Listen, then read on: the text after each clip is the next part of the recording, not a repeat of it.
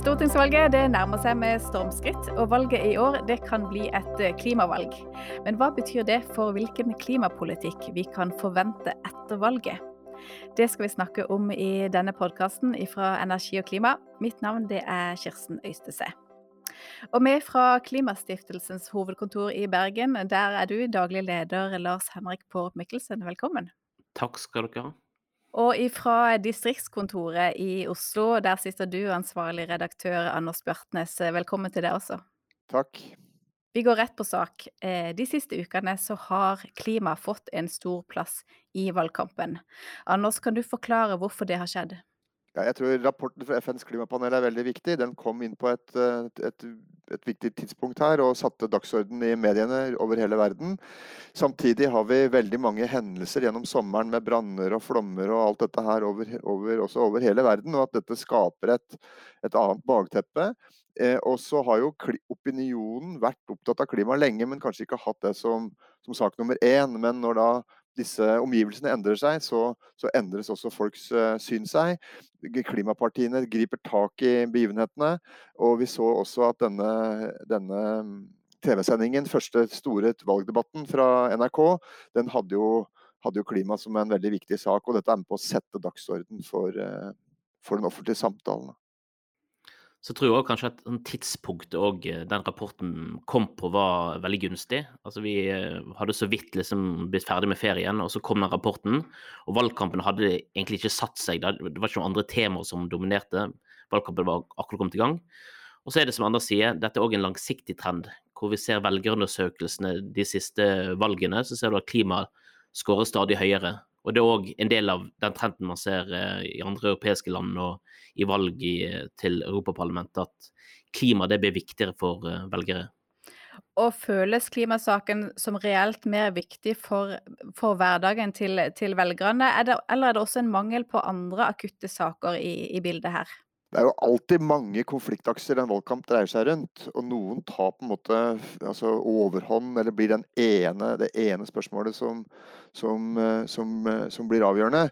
Eh, jeg tror at den, den, tendensen vi hadde her tidligere om at det var veldig mye, opp, altså mye vekt på distrikt by, land osv. Den er kanskje tona noe ned, ikke sant? fordi at de store partiene har, har tatt inn over seg en del av den kritikken som, som Senterpartiet har, har, eh, stått for. Og så dempes det, eh, den, konflikter langs den aksen noe. Og så kommer da dette her inn for fullt som, som, et tema som har betydning for så mange deler av politikken. Da.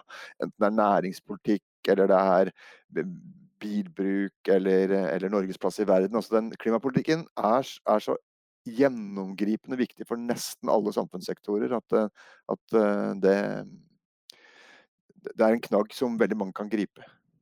Så veldig lenge så drev vi og snakket om sånn, hvordan vi kommer til å merke klimaendringene. Hvordan vi òg i Norge kommer til å merke at uh, kloden blir varmere. Og nå ser man at ting er i ferd med å skje. Jeg tror i hvert fall folk har en følelse av at det er noe som er i som står på spill.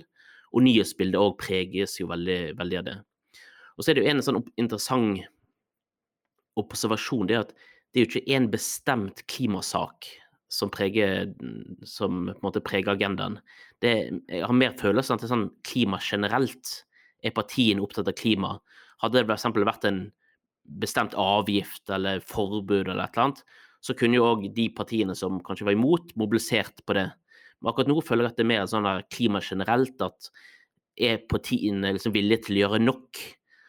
Eh, litt sånn som er du opptatt av rettferdighet og internasjonal solidaritet? Det har blitt på en måte en viktig sånn sekkepost, da. Hvor godt syns dere de ulike partiene har håndtert at klimaet kommer på toppen av dagsordenen? Det er jo klart at For de småpartiene som har vært opptatt av klima som sin viktigste sak, så, så er jo dette noe de griper fatt i. ikke sant? Du ser det særlig på, for Miljøpartiet sin, de, de, Grønne sin del. Du ser det for Venstre sin del. Du ser det og for så vidt for, for SV og i noen grad Rødt, kanskje. At de småpartiene der får, en, får et løft, løft, her. For Arbeiderpartiet og Høyre så er det jo mer krevende, for de står i, i, mer i en slags spagat der de liksom må ta ta mange hensyn og balansere eh, mange ting. Da. Taperne i det bildet her er jo, er jo, da, sånn som det ser ut nå, er jo Senterpartiet, som har, har vært mer opptatt av å snakke eh, mot klimapolitikk enn for klimapolitikk, ikke sant? Og, og, og har, eh, har, truffet da veldig dårlig, eh, åpenbart, i, i sin, sin, kommunikasjon. Det kan de forsøke å snu nå, men det tror jeg blir fryktelig vanskelig å få til nå når det, når det har satt seg en, en holdning om at de, deres klimapolitikk er liksom mer å være imot klimapolitikk enn å være for så tror jeg òg at det spiller en utrolig rolle sånn internt i de partiene som nå tjener på det. Altså Venstre var jo nesten avskrevet, for et par uker siden på å passere og nå ser de plutselig et håp om at det, det, er innenfor rekkevidde. Og klart Du skal ikke undervurdere den effekten det har i en organisasjon, som får folk til å stille på stand, gå og banke på dører og i det hele tatt stille opp og være med. Og Det samme òg med MDG og SV, sant, som ser ut til å gjøre det, gjøre det bra. Om dette varer helt inn, det vet man ikke. For jeg tror nok at både i Høyre og Arbeiderpartiet så ser de nok helst at det er andre temaer som på en måte gjør mer de til på en måte hovedmotstandere. At det er det som skal prege valgkampen. Klima og miljø, der står jo de ganske likt i, i, det, i det, store. Så de har jo ikke noe sånn veldig interesse av å, at dette skal være det dominerende temaet fram til 13.9. Det er helt riktig. Og, jeg, og jeg, jeg, kanskje vi kan dvele bitte litt med den negative dynamikken da, som, eh, som, da Senterpartiet opplever akkurat nå, og den positive som miljøpartiene opplever. Så nå, du, nå er det jo, det er jo målinger eh, hver eneste dag, eh, flere ganger om dagen. ikke sant? Eh, dette kommenteres, og analyseres, og det er distrikt, fylkesmålinger, og det er, er, er nasjonale målinger, det er kommentarer, det er innslag på alle mulige kanaler hele tida som da skaper et, eh, et, eh, en, en, stemning som da er positiv for noen av disse partiene og negativ for andre. Og, og det, jeg tror det nesten er bunnløst hvor, hvor, langt du kan falle hvis du da får, eh, får denne her dynamikken her mot deg i en, i en valgkamp. Det som, det som, er en sånn interessant observasjon jeg vet ikke om jeg husker liksom I vinter og vår, før Rødt sitt landsmøte, så var det jo veldig sånn usikkert på hvor kom de til å lande en del spørsmål. Og en del av på en måte, Rødt sitt bakland har jo vært veldig på den sånn, å ikke angripe oljearbeideren og, og på en måte ikke gjøre for raske skift. Men de har jo nå markert seg som et av de mest sånn, radikale sluttdato for oljeproduksjonpartiene. Og har på en måte med det, tror jeg, liksom eh, blitt en del av på en måte blant miljøpartiene. da. Og det tipper jeg nok de er glad for i dag. At ikke de på en måte Ja, så skal du se at det er det er veldig store regionale forskjeller i hvordan debatten pågår òg. Jeg så her nå, sånn som Fra Rogaland så kappes jo SV og, og, Rødt sine kandidater om å være mest mot vindkraft og mest for olje. For det åpenbart treffer da den eh, opinionen de opplever at det er til stede der. Mens det i andre deler av landet er helt andre saker som, eh, som, og andre, andre, vinkler som, eh, som, som liksom pushes. Men dere, vi må, vi må, snakke litt om hvilke regjeringsalternativer som fremstår som mest sannsynlige, og hva det betyr for klimapolitikken. Og nå spiller vi inn denne podkasten 25.8, og slik meningsmålingene ser ut nå, hva er de mest sannsynlige regjeringsalternativene, og hva betyr det for klimapolitikken? Anders, hvis du vil begynne med å rangere regjeringsalternativene, og så tar vi politikken etterpå. Hvem er det mest, mest sannsynlig danner regjering? Dette er jo synsing og gjetning, men jeg tror nok at det mest sannsynlige er at det er Arbeiderpartiet, Senterpartiet og SV som danner regjering. Det holder jeg for det mest sannsynlige. Det skal ganske mye til at det blir borgerlig flertall. Det er ikke umulig, men det skal mye til at det skjer. Og så et, et dette, altså, Som nummer to da, så tenker jeg at det mest sannsynlige er at det er Arbeiderpartiet alene som danner regjering. Og det er hvis det ikke blir flertall for de tre, da, så tror jeg det skal, skal, skal mye til at Arbeiderpartiet ønsker å gå inn i en mindretallskoalisjon med da Rødt og, og, og, MDG som støttepartier i Stortinget. Da tror jeg det er lettere å se for seg at de kan klare å håndtere en regjering alene. Eh, fordi at eh, det å liksom bli enige i en, i en, eh, altså i en internt en regjering først, og så gå i, i Stortinget etterpå, det tror jeg fort vil bli veldig sånn altså slite ned. Eh, og, og, og, og, gi en veldig lite handlingskraftig kraftig, eh, regjering. Og så har du da den muligheten, og selvfølgelig Arbeiderpartiet Senterpartiet. Det kan hende. Kanskje hvis SV av en eller annen grunn skulle si nei til å være med i en uh, sånn trepartiregjering. Men jeg holder det for, li for lite sannsynlig. Da. Så Ap, SV, Sp som det mest sannsynlige, Arbeiderpartiet alene som nummer to, så Ap, Sp, og så da mulighet der fortsatt for at vi får en, en borgerlig regjering av, av altså Høyre, Kristelig Folkeparti og, og, og, og, Venstre, sånn som vi har. Det er mitt, mine, mine fire min, min, min, min fire rekke. Da kan ikke jeg tippe det samme, så jeg må jo uh, tippe noe annet. Nei, jeg tror òg at det bør jeg, et rød-grønt flertall, men da tenker jeg at da, da er på en måte rubbel og stubb med. Jeg, jeg, tror ikke nødvendigvis at Senterpartiet, Arbeiderpartiet og SV får flertall alene, men tar du med Rødt og MDG, så, så skal det mye til for at ikke det blir et uh, flertall på Stortinget. Og så er jeg veldig usikker på om du får en trepartisregjering som vi har hatt i to uh, perioder før. Jeg tror jeg tror at uh, avstanden er for stor. At de har investert for lite i, måte, i et sånt felles prosjekt. At uh, det ender med at uh, Arbeiderpartiet går alene. Det er ikke ønskelig. Og det er spesielt ikke ønskelig å på en måte ha Senterpartiet, tror jeg, i Stortinget, der de kan håper jeg, drive på med håper jeg, plagsom opposisjonspolitikk, f.eks. i tospann med Høyre Frp på noen områder. Men eh, jeg tror fort at det kan bli utfallet, at Arbeiderpartiet er i mindretall. Alternativt at Arbeiderpartiet og Senterpartiet og så at, uh, at, eh, SV ikke får på en måte noe igjen for uh, klima. At avstanden mellom Senterpartiet og SV blir for, for stort. Så det, mine, det, tror jeg er mine to. Og så en rød-grønn av godt gammelt slag på tredjeplass. Og så en borgerlig mindretallsregjering da på, på fjerde. Det tror jeg er mitt, mitt valg. Men dette her, dette her er jo veldig avhengig òg av på en måte, hva blir flertallet, og hvor eh, styrkeforholdet mellom eh, partiene. Men dere ser begge altså at eh, Arbeiderpartiet i en eller annen variant, enten alene eller i samarbeid med andre, det er mest sannsynlig sånn som det ligger an nå. Hva blir forskjellen på klimapolitikken med disse ulike konstellasjonene, altså Arbeiderpartiet alene eller Arbeiderpartiet sammen med SV og Senterpartiet, hvis vi begynner der? Altså, jeg tror nok at Hvis vi ser for oss en sånn trepartiregjering med Arbeiderpartiet, SV og Senterpartiet, så må jo SV ha noe på oljepolitikken.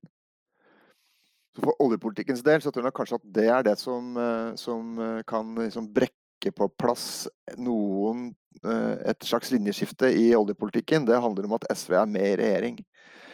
Mm, fordi at det må SV ha, hvis de skal gå inn. De kan ikke liksom si at det holder med en utredning og kanskje noe i 2024. Det tror jeg ikke er nok for SV. Så det, det oppfatter jeg som et viktig sånn et viktig, viktig, punkt der det vil være forskjell da, på, på, disse her regjeringsalternativene. Og så tror jeg nok på, på langs, liksom, Det jeg har vært veldig opptatt av, er liksom Europaaksen. Jeg, jeg mener at den har vært under underkommentert og underanalysert hva det betyr. Fordi det er så mange ting som kommer liksom på, på, på inn fra, fra EU-hold. Og der tror jeg nok at det vil være lettere å finne fram til kompromisser og enighet om ting hvis Senterpartiet er med i regjering, enn hvis de er utafor. Eh, og det tilsier at Arbeiderpartiet vil strekke seg et, et, godt stykke på vei for å få de inn. Da, for å, å slippe å ha en sånn EØS-opposisjon eh, eh, som eh, Senterpartiet er en del av i Stortinget. Rødt vil jo utgjøre den uansett. Ikke sant? Men Senterpartiet eh, innafor vil, gjøre det, vil liksom ansvarliggjøre de mer. Og det gikk jo greit i forrige runde, og hvorfor ikke en gang til på langs liksom, EØS-EU-aksen. Arbeiderpartiet er jo på mange måter liksom svaret når du på en måte krysser Senterpartiet og SV i veldig mange saker. Sånn, finner Senterpartiet og SV sammen om ulv, så lander du på en måte på Arbeiderpartiets standpunkt. Finner de sammen på klima eller oljepolitikk, så lander du på Arbeiderpartiets standpunkt. Og så er spørsmålet om de vil klare det, om de vil kunne klare å finne måte, felles grunn. Og det er der jeg er litt tvilende til at de kommer til å gjøre det. Både fordi at begge to er, har et ganske sånn stort press, tror jeg, som trekker i ulike retninger på at de må levere noe substansielt. Senterpartiet har på en måte bygd seg opp nå på å markere en avstand til klimapolitikken. Mens SV de på en måte må levere, som andre sier, noe mer enn bare en utredning, og Lofoten er på en måte vunnet fra før av. Og Det som er interessant, er at hvis du ser på sant? Eh, hvis du ser på hva eh, Stortinget har behandla i denne perioden og Nå bare kikket jeg på innstillingen på, på eh, denne klimaplanen for frem til 2030, så er det jo egentlig bemerkelsesverdig at de tre partiene har nesten ikke skrevet seg sammen i det hele tatt i klimapolitikken. Og det er jo gjerne noe man gjør. sant? Når det er en stor pakke, så finner du på en måte noen felles saker, og det vil gjøre det første som man vil trekke inn i en ny regjering og skal sy sammen program. Men det man liksom ble enige om, det var tre punkt, og det var like mange klimapunkt som Senterpartiet og Frp sto sammen om. Så eh, mens Arbeiderpartiet har mange jeg, punkt sammen med eh, Senterpartiet på ene siden, og så er de mange sammen med SV og MDG for så vidt på, på andre siden. Så jeg, jeg, tror i hvert fall Og da er spørsmålet hva politikk får man? Nei, det tror jeg er veldig usikkert. Eh, fordelen med ny regjering vil jo alltid være at du på en måte du får nytt driv, du får et nytt, sant, nye prioriteringer og nye satsinger osv. Du får på en måte nytt tempo, nytt momentum. Men nøyaktig hva politikken blir, det syns jeg er veldig vanskelig å, å si i dag. Er, jeg er helt enig i det. Det er, det er, veldig vanskelig å si akkurat hvor det blir, blir lagt hen, og hvor det vil legge seg hen. Men, du, men jeg tror nok også det at hvis du ser på Senterpartiets program, så er det jo mye sånn skal si, praktisk, konkret god klimapolitikk som ligger i det i Senterpartiets program, og som, har, som, jo partiets representanter rundt omkring i landet er veldig opptatt av å få gjennomført i kommunestyrer og fylkesting og det ene med det andre. Mens da det som de har oppfatta som liksom linja på det nasjonale, da, har vært å legge seg da hva skal jeg si, i en egen kategori her, sammen med, med Frp, å være mer mot enn for. ikke sant? Og det tror jeg kanskje at uh, han kan komme til å angre på Vedum, uh, hvis det nå ender, viser at det ender opp på på, på, på 10-12, ikke sant? mye lavere enn det forventa.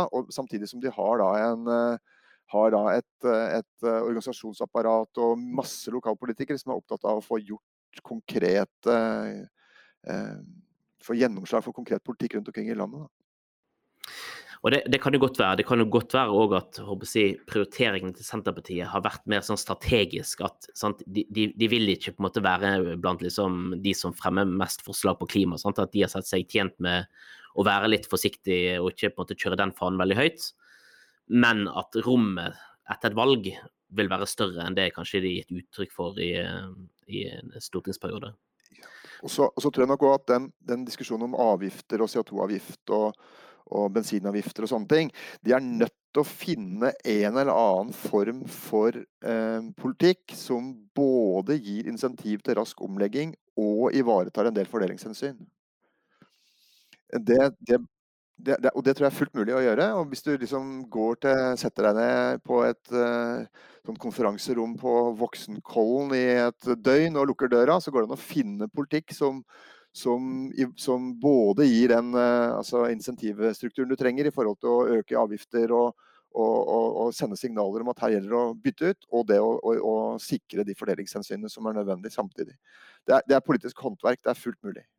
Hvis vi ser på dagens regjering og tror at den blir bytta ut med en eller annen eh, konstellasjon med Arbeiderpartiet, hva kan vi være sikre på, eller tro mest på at vi vil se av endringer på, på klimapolitikken fra det vi har i dag? Hva tror du, Lars Henrik? Altså, det er jo vanskelig synes jeg, å se denne her, liksom, sånn, mer sånn statlige tilstedeværelsen i, i næringspolitikken, da, som, som, Arbeiderpartiet har, har snakka om, og som SV og Senterpartiet for så vidt også har snakka om. Eh, hva det skal ende opp i konkret eh, politikk som er annerledes enn den som er nå, det syns jeg er fryktelig vanskelig å se når det kommer til liksom, praktiske ting. Altså, jo, altså, Senterpartiet nå vil jo drive og kjøpe, altså, kjøpe opp Hydro-aksjer og å ha statlige næringsfond og sånne ting. Eh, altså, det, mye, det, vil være mye motbør mot sånt i, i, fra embetsverk og, og, og, og finansdepartement? Hvis det, hvis det, kommer forslag om det igjen eh, på, på, alvor. Og det er jo heller ikke sånn at dette, det borgerlige nå har, vært, har unnlatt å bruke statlige virkemidler i klimapolitikken. Tvert imot. Det er jo masse penger til Enova, det er masse penger i, inn i forskjellige Eh, tiltak.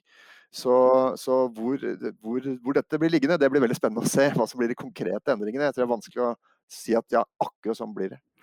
Det, som de borgerlige skal ha ros, da, det at de har fått inn eh, håper jeg, iallfall to store liksom, grep som kommer til å stå seg. Og Det ene er jo på en måte medlemskapet i eh, klimapolitikken i EU. Sant? At det, er et helt annet regime vi nå går i gang med fram mot 2030 enn det vi har tidligere. Og det, det står fast.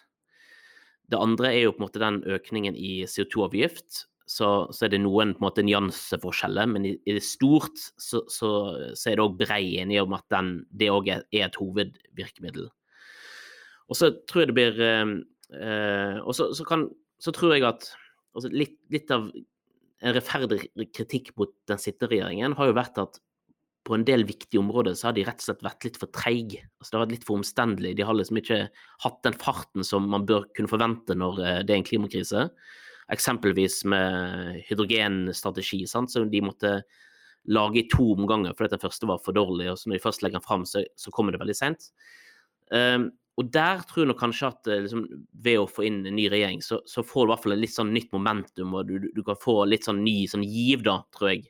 Og det, det kan ha en positiv effekt. Men så, men så vil jo òg de rød-grønne få Altså, de må òg prioritere. For det er klart at etter mange år i opposisjon, så, så blir man da fristet ut til å på en måte love litt mer på veldig mange områder. Og i sum så går ikke det opp. Og da spørs det, sant, hvis du både skal ha mer penger til bioenergi, mer til solenergi, mer til CCS, mer til ja, alt mulig annet, så, så, må du på på et eller annet tidspunkt si hva, hva står øverst på den listen. Og det, det er ikke så, så lett. Og så er det dette med det statlige eierskapet, da, som har hatt en debatt. Hva ligger egentlig i det? det Hvordan forstår du det? Nei, altså, jeg tror, altså det, debatten er jo veldig sånn retorisk nå, da. Sant? For egentlig som Anders sier, sant? Så, så, er det jo ikke sånn for eller mot statlig, aktivt statlig engasjement i klima- og nærings, næringslivspolitikken. Sant? Staten er jo veldig delaktig, uansett om det er Erna eller Jonas som er statsminister.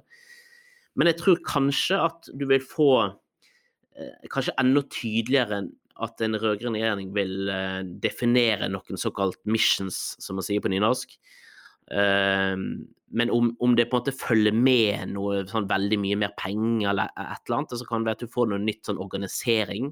Men det tror jeg kanskje. At du får noen litt mer sånn tydeligere politisk definerte mål. Det kan, det kan hende i sånn samarbeid mellom eh, industri og, og, og, politikk. Inspirert av Storbritannia, Danmark og, og andre land i, i Europa. Men eh, innholdet er jo spennende. sant? Hydrogen, eksempel. Er, er det nytt statlig selskap? Er det det man kommer til å levere, eller er det mer penger? Det er jo ett et felt da, der jeg tror det vil komme endringer ganske raskt, og som der det bør komme endringer raskt. Og der det òg har vært veldig rart at de har latt, uh, latt dette her skure og gå sånn som de har gjort fra, fra, Venstre, særlig i denne perioden de har hatt, uh, hatt uh, statsråden i, i, Miljødepartementet og Næringsdepartementet, og samtidig hånda på Enovas pengepung. Og det er alt som har å gjøre med sånn kalles energieffektivisering og småskala energiproduksjon. Det er superlett å skru litt på de ordningene og sørge for at det blir litt mer lønnsomt å, for en liten bedrift eller for en privatperson å legge solceller på tak eller å gjøre et energieffektiviseringstiltak. Det gjelder borettslag, det gjelder sameier, det gjelder tvers igjennom. At det, her er det mange som ønsker å gjøre noe. Og, og, og, og, staten, og vi betaler jo penger inn til dette systemet, og vi bør få de samme pengene ut igjen til tilsvarende tiltak. da. Og dette tror jeg at, at, det er ganske sikkert at det vil skje, skje endringer på. Og det vil òg skape tror jeg, en, liksom, vil få en eh, heiagjeng for dette her. I, eh, Huseiernes Landsforbund og altså i boligbyggelagene osv. Og, og at det vil skje en del ting. Og det også, på, vil være med på å, å gi mer investeringer og, og holde, holde, i gang en, en en næring med installatører og utviklere av forskjellige slag som, som, driver med dette her praktisk og konkret. Det er mye sysselsetting i det, og det, er, og det vil hjelpe på den store energibalansen at du får gjort mer energieffektiviseringstiltak og får til mer lokal eh, energiproduksjon. Dette tror jeg at de kommer til å gjøre fort. Ja, det, det tror jeg òg. Og den store forskjellen på det er jo at pengene finnes allerede. Så man trenger liksom ikke å finne de på en annen post. For problemet er jo ikke at det ikke er penger i Norge-systemet, men det er jo på en måte å sette en retning på de, og så at det skal være et eh, ja, likere forhold mellom det forbrukerne betaler inn, og det de får tilbake igjen i form av uh, støtte.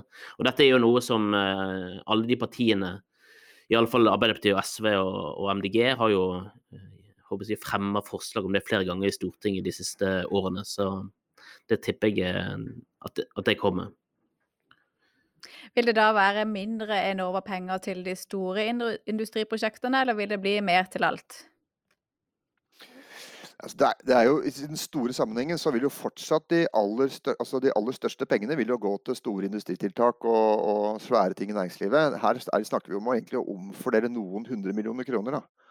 Som i den store sammenhengen er lite, men som er mye i, eh, i eh, for, de, for de sektorene det gjelder. For at du kan få få til ganske mye med relativt lite. For at det utløser jo her mye private investeringer ved å gi sånne gulrottilskudd eh, som er en subsidie, ikke sant? men som samtidig får, gjør det lettere da, i et borettslag eller for en privatperson å si at ja, nå gjør vi dette her, nå gjør vi denne investeringen fordi at vi får liksom 50 000 fra, fra Enova til å, å gå i gang.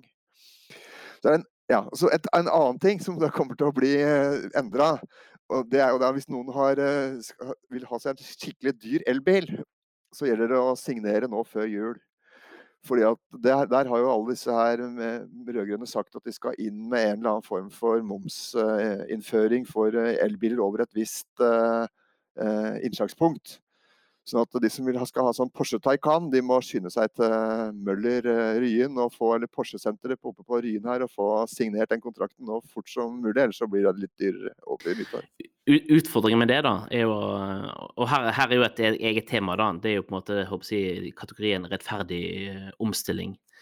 Men, men eh, så, så, vi sikkert kan si noe om. Men akkurat her eh, risikerer man jo at altså Norge i dag har jo et litt sånn der uh, hybridproblem. At vi selger fortsatt ganske mye hybridbiler. Så i denne kategorien der du skal på en måte litt over Der du skal ha hengefeste og mulighet for å feste ting på taket og så, sånne ting, så risikerer man at man forsinker en overgang i den det leiet med å endre på skatten, skattene, tror jeg. Men et, et viktig spørsmål her er jo òg vil man komme med politikk som også kan bringe inntekt, nye inntekter inn.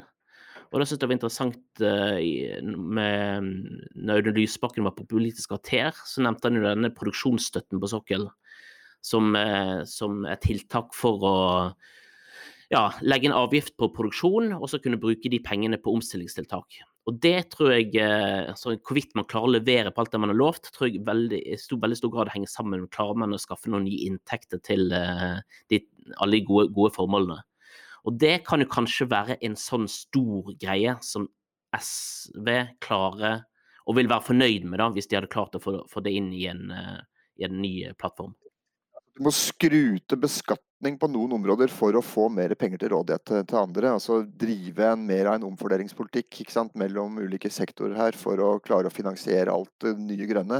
Det tror jeg, helt, jeg tror det er helt riktig. Det er helt nødvendig å, å finne nye inntektskilder for staten her. Og det gjelder jo innenfor transport og samferdsel. ikke sant, At det er et stort inntektsbortfall over tid i bilavgifter og bensinavgifter og veiavgifter og sånn. Og det kommer til å fortsette å falle. og Hvis du ikke gjør noe da på på inntektssida her og, og, finner noen nye inntektskilder, så går ikke dette her i hop. Og da kan du jo bare fortsette å trekke på oljefondet, men det er jo Heldigvis så vil jo, tror jeg, at det er såpass mye sånn fiskal konservatisme ute og går her, tross alt, at det vil, vil bli satt eh, sånn skranker mot, eh, mot overforbruk. da.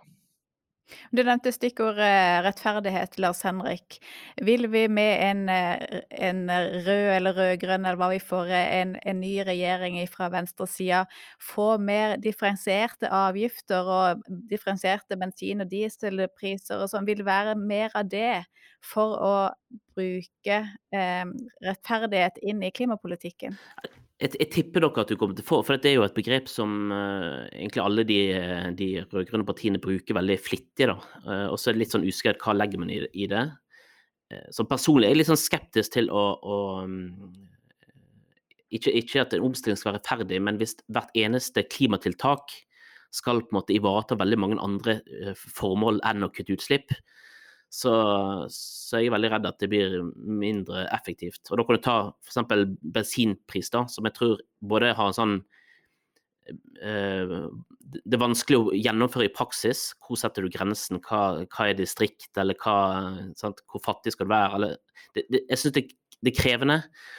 Og så, sånn Personlig så ville jeg heller da sett at du da heller hadde økt, altså prøvd å gjen, altså inntektsutjevning, altså drevet med det på andre områder. Så skjønner jeg at legitimiteten kanskje kan være avhengig av at uh, noen avgifter har en sosial dimensjon, men frykten min er at klimapolitikken blir mindre effektiv. Dette, jeg tror at du kommer ikke unna. Du kommer ikke unna å gjøre ting som, som sikrer en fordelingspolitikk her, både på, på inntekt og på geografi. Og, og, og, det har å gjøre tror jeg, med at hvis du ikke, altså hvis en ikke liksom kommer dette i møte, så er det nok eh, motbør da, mot å, å, gjennomføre tiltak eh, latent til at eh, ting kan stoppe opp. Og Det er jo sånn gule vester-problematikk eh, i dette her. ikke sant? At det, en, det skjer svære endringer, store forandringer. Eh, du skyver på, på, verdier gjennom CO2-prising f.eks. Altså, det er jo veldig mye omfordelingseffekter av en eh, effektiv klimapolitikk. Og da må du være oppmerksom på det og, og gripe inn før det smeller.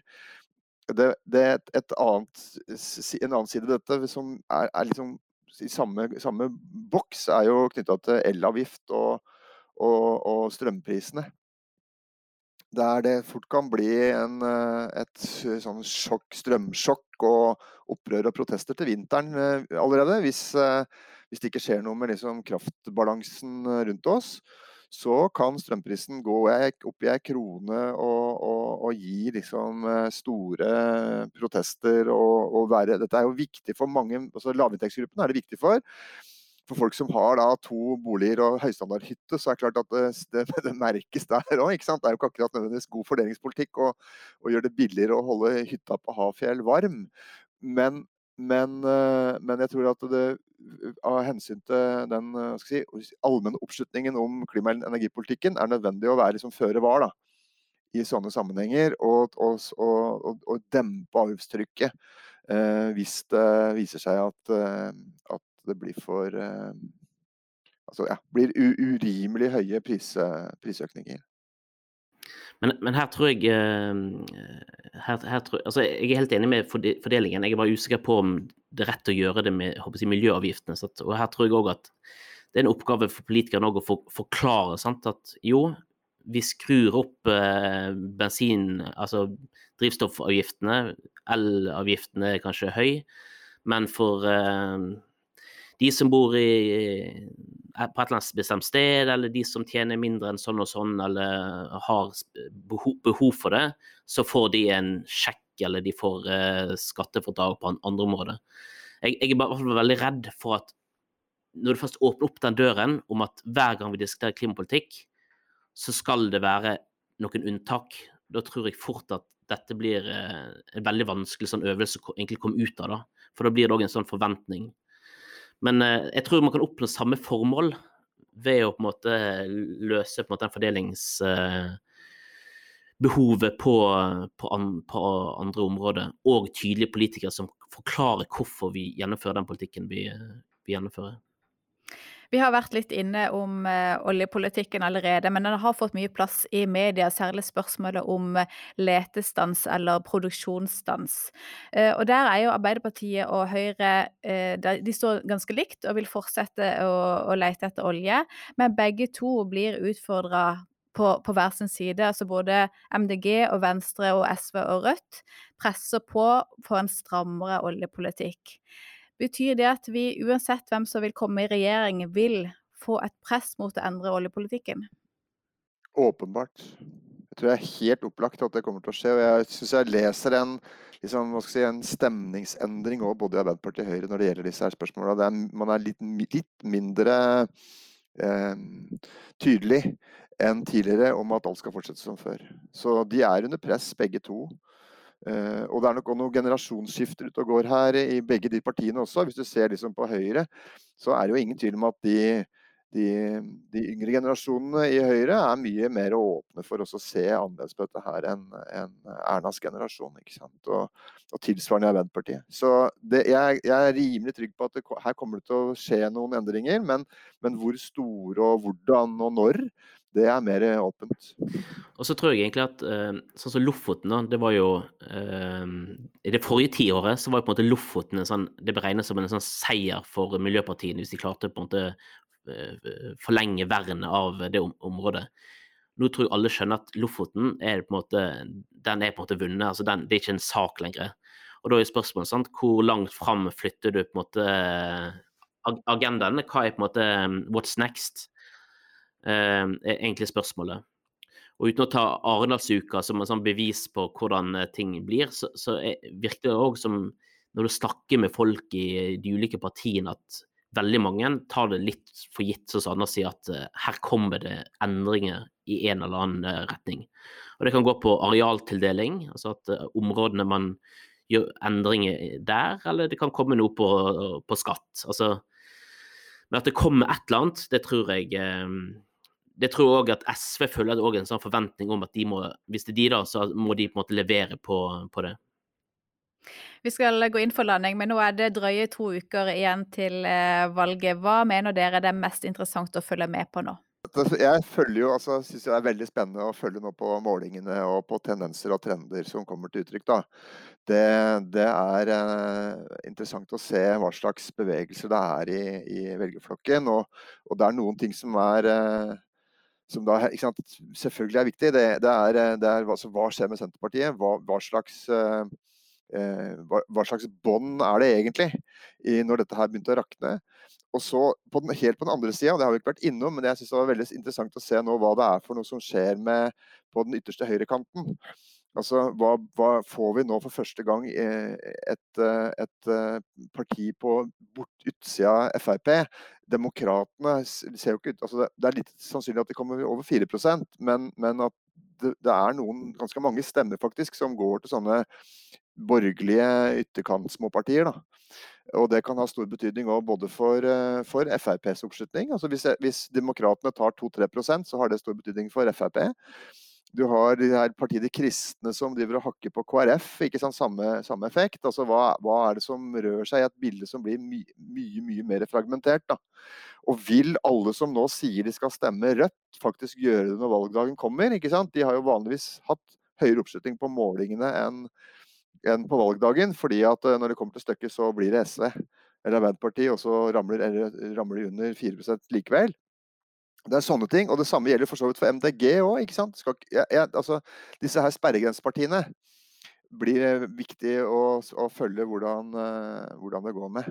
Uh, for liksom klimaagendaen i Stortinget neste, neste, periode, så vil jeg jo mene at det er veldig fordel om, om Venstre klarer seg og, og, kommer over fire og har en ordentlig gruppe. Eh, og, og, også selvfølgelig at MDG etablerer seg som, eh, som, et ordentlig parti som vil bli tatt, eh, måtte bli tatt hensyn til og kan liksom vokse, ja, bli voksne i, i, i neste periode. Så det er sånn politikk-politikk-ting som jeg syns er mest spennende akkurat nå. Jeg, jeg, kan egentlig bare slutte meg til det, det andre sier. Og så, så, så, tror jeg òg at uh, her vil spenningen vare langt forbi valgdagen. Um, og det blir utrolig spennende å se hva Jeg tror ikke vi skal avskrive de borgerlige uh, altså det, det, er lenge til valget. så sånn, Vi må ha åpen muligheten for at det kan bli Erna òg. Selv om vi her har snakka mest om at vi tror det blir rød-grønt. Eh, men uansett så vil tiden etterpå valget bli veldig spennende. Både hva regjeringen får, og så plattform. Og så er det litt lenger fram, altså når du kommer til eh, månedsskiftet oktober-november, så, så, er det òg et klimatoppmøte i Glasgow hvor en ny regjering, uansett hvem det måtte være, skal på en måte melde fra hvor står Norge i 2021. Og da er i hvert fall min forventning om at eh, da må Norge melde inn noe nytt. Da må vi få på plass en ny skogsatsing. altså Da må vi få melde inn noe stort, sånn at vi faktisk bidrar enda mer substansielt til en eh, omstilling globalt. Avslutte akkurat der. og det tror Jeg altså jeg tror ikke Jonas Gahr Støre kommer til å dra til Glasgow og si det at den, vi skal fortsette oljepolitikken som før fordi at vår olje er den reneste og mest demokratiske i verden. Det tror jeg vi kan avskrive. Ja, men Bra. Jeg syns du var på, på grensa til å helgardere deg litt i, i, tipsene dine, Lars Henrik, på slutten. Men vi får, eh, vi får ta en prat igjen når vi har eh, fasiten etter valget. Nei, jeg, jeg, jeg trodde jo på eh, mindretalls Arbeiderparti-regjering som topp. Det var, det var god odds. Der, der putter jeg pengene mine. Ja, men det er bra. Dere må Takk for praten, og takk også til eh, du som lytter på. Husk at du kan eh, abonnere på Energi og klima i din eh, foretrukne podkastspiller. Takk for i dag.